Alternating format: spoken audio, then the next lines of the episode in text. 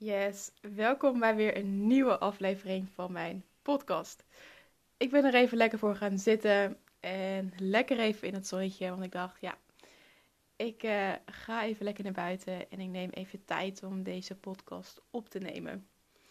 Mijn dag bestond vooral uit klantgesprekken en daarnaast wat administratieve zaken, waardoor ik heel veel binnen heb gezeten. En normaal vind ik dat helemaal niet erg, maar vandaag schijnt de zon en ik dacht, ja, ik ga nog even een extra moment creëren om naar buiten te gaan.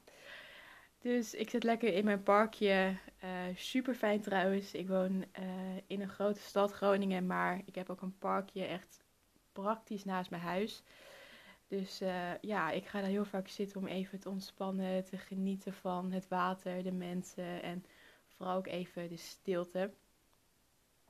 Wat ik vandaag met je wil delen heeft ook te maken met een stukje stilte afgelopen weekend was ik er namelijk eventjes uit. En mijn intentie was daarbij om juist de stilte op te zoeken.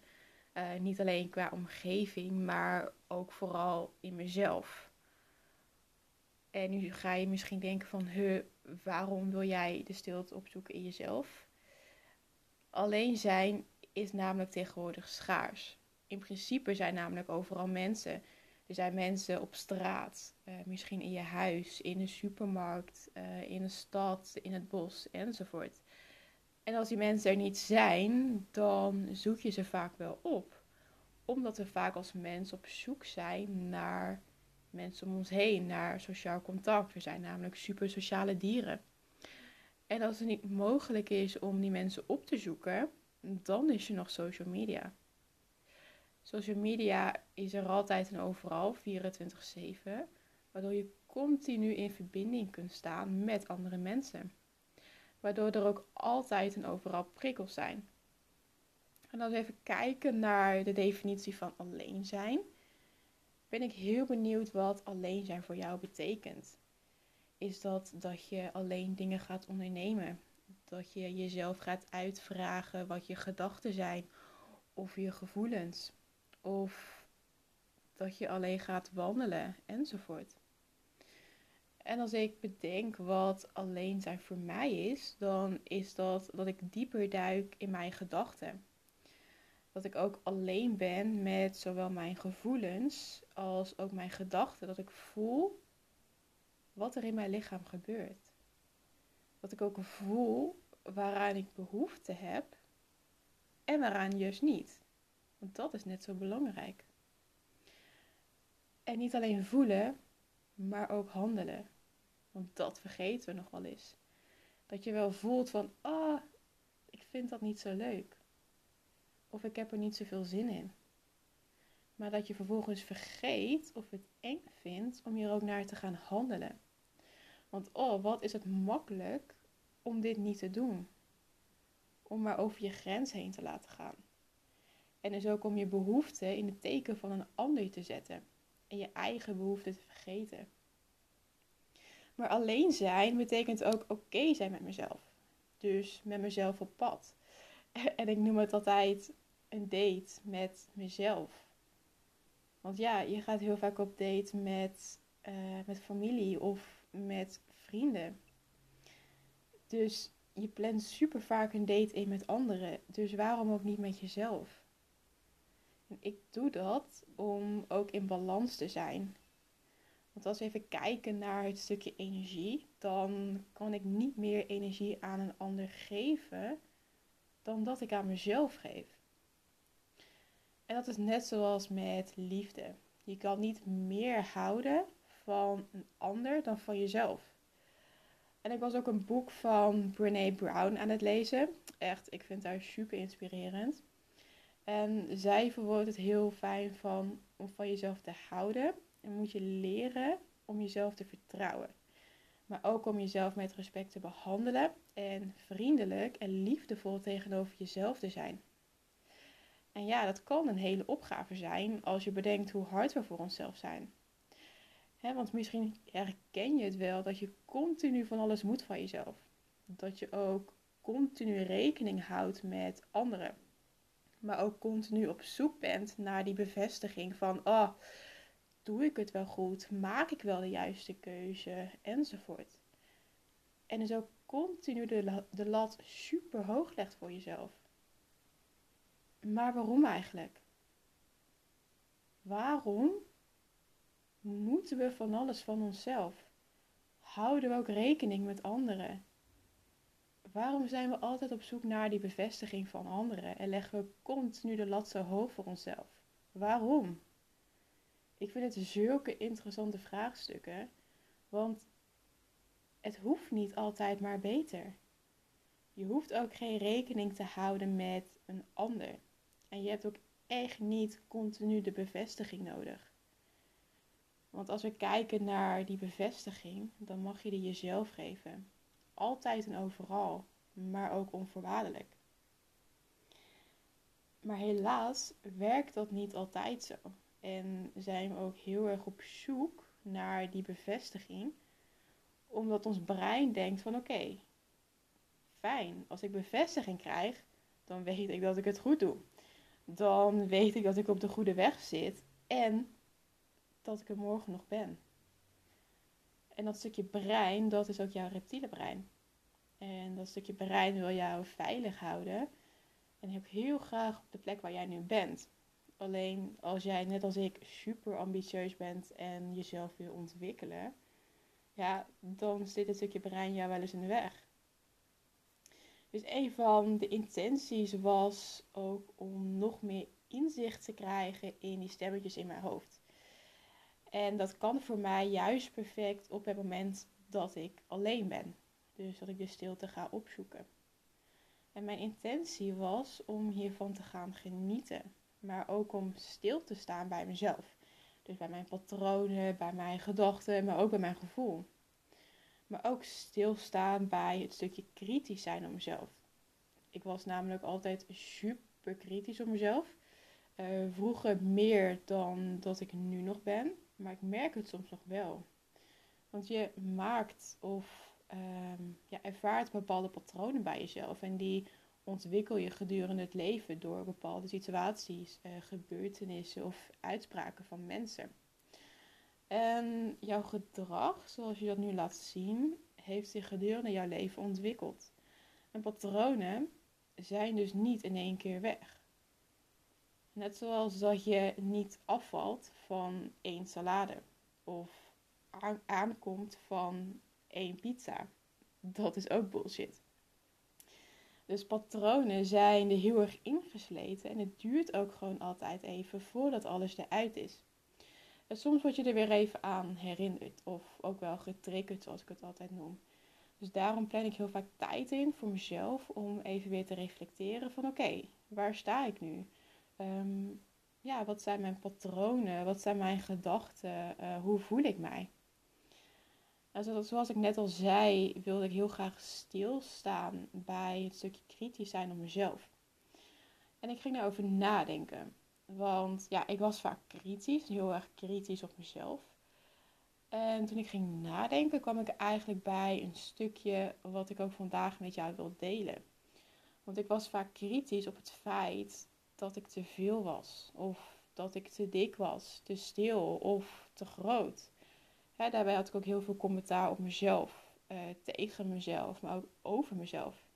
Ik was continu bezig met aanpassen, met alert zijn, de omgeving verkennen, mezelf veranderen, maar ook weer verlaten. En dat voor niemand minder dan mezelf. Terwijl het zou toch juist moeten gaan dat je jezelf kunt zien. Dat je jezelf ziet met alle eigenschappen die je hebt. Zowel de positieve eigenschappen als de negatieve eigenschappen. Maar ook je emoties. En dat je dat niet alleen kunt zien, maar dat je ook jezelf toestaat om dit toe te laten. Dat je jezelf leert zien. En toch zijn het vaak de stemmen in ons hoofd die ons tegenhouden. En wat ik heel erg merkte vroeger, was dat ik de focus legde op de verkeerde stemmen. Dus dat ik meeging in die hele kritische gedachten van, oh weet je, Lisette, dat had je toch beter moeten doen. Of geef nog maar even iets meer, zodat je er ook meer uit kunt halen.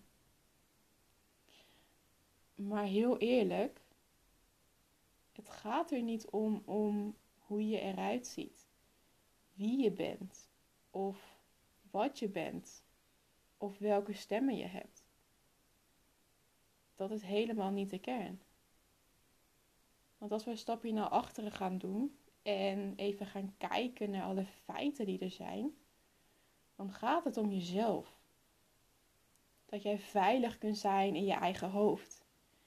Maar ook met je eigen gedachten, met je eigen emoties, zodat je je veilig kunt voelen in je eigen lichaam.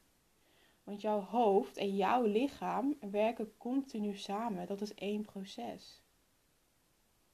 En wanneer jij je niet veilig voelt in jouw lichaam, voel jij je nergens veilig. Want heel eerlijk, het is een feit dat hoe lang jij ook leeft, je altijd met jezelf bent. Laat die maar even binnenkomen. Wat je ook doet, met wie je ook bent, je zit voor altijd vast aan jezelf. Dus beter word je vrienden met jezelf. En ga je ook stap voor stap tegen jezelf praten op een manier die voor jou werkt. En ook waar je voordelen uit haalt. Als ik nu kijk naar mezelf, dan kan ik onvoorwaardelijk aan mezelf geven. Dat ik ook in deze energie kan stappen. Deze energie kan ontvangen. Maar ook kan voelen. En ik hoop dat jij dat jezelf ook gunt. Want hoe je het ook went of keert, je bent forever met jezelf. Je leeft het langste met jezelf. Dus liefde voor jezelf is zoveel meer dan een avondje me-time. Dus continu eerlijk zijn tegen jezelf. Wat voel ik? Uh, welke gedachten heb ik? Waar heb ik behoefte aan? Maar ook wat tolereer ik nu, wat ik eigenlijk niet meer wil tolereren? Zelf gebruik ik deze vraag altijd in een reflectiemoment. Dus deze vraag heb ik ook afgelopen weekend weer beantwoord om voor mezelf te zien van oké, waar sta ik? Is dit nog in lijn met wie ik ben? En hoe ziet de aankomende periode er voor mezelf uit? Dus dat ik controle heb over mijn acties in plaats van dat het leven controle heeft over mij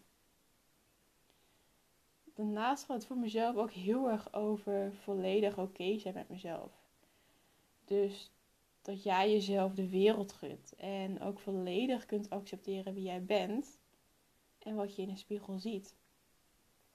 En die spiegel, die reflecteert heel mooi hoe jij je voelt. En ook hoe jij daarin staat. Vroeger vond ik het super confronterend om in de spiegel te kijken.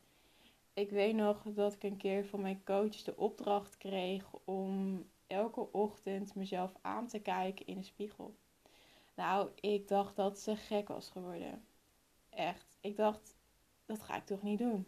Ik ga toch niet mezelf elke dag aankijken in de spiegel. No way. Super confronterend. Hallo. Nou, je zult ook, zult ook vast wel begrijpen dat ik het de eerste paar keer verschrikkelijk vond. En dat ik het stiekem ook heel vaak oversloeg. Want ik vond het zo confronterend om mezelf te zien in een spiegel. Om mezelf recht aan te kijken in mijn eigen ogen. Maar door dat te doen, leerde ik mezelf aan te kijken. Leerde ik ook om oké te zijn met mezelf. En ik merkte ook dat hoe vaker ik het deed, dat het steeds fijner werd en ook steeds comfortabeler. En dat ik er op een gegeven moment ook naar uit ging kijken, omdat ik ook zag hoe ik ontwikkelde. Dat ik steeds meer met vertrouwen voor die spiegel stond, maar ook mezelf kon aankijken. En dat is ook wat ik bedoel met volledig oké zijn met jezelf. Dat alles wat jij hebt oké is, al jouw eigenschappen, al jouw emoties, maar ook al jouw gedachten. En dat je ook kunt handelen naar dat wat jij nodig hebt. Omdat je weet wat je behoeften zijn. En dat je dit kunt communiceren naar jezelf. Dat ten eerste. Maar ook naar een ander. Maar altijd vanuit intentie dat jij het beste voor hebt voor jezelf. Want dat is wat telt. Dit was wat ik vandaag met jou wil delen. Ik ben heel benieuwd welke inzichten jij hieruit hebt gehaald. En misschien zelfs wel een actiepunt. Dat zou ik helemaal super tof vinden. Laat het vooral even weten. Uh, dit kan via Instagram. In de link van deze podcast staat mijn Instagram. Via daar kunnen we connecten. En mocht je zoiets hebben van ja, ik wil mijn actiepunt delen. Laat het vooral even weten. Dan gaan we daar samen even naar kijken. Ondertussen is mijn zonnetje een beetje weggegaan. Dus ik ga zo weer lekker naar huis en nog even een paar laatste taken afronden. Ik wens jou nog een hele fijne dag en tot de volgende podcast.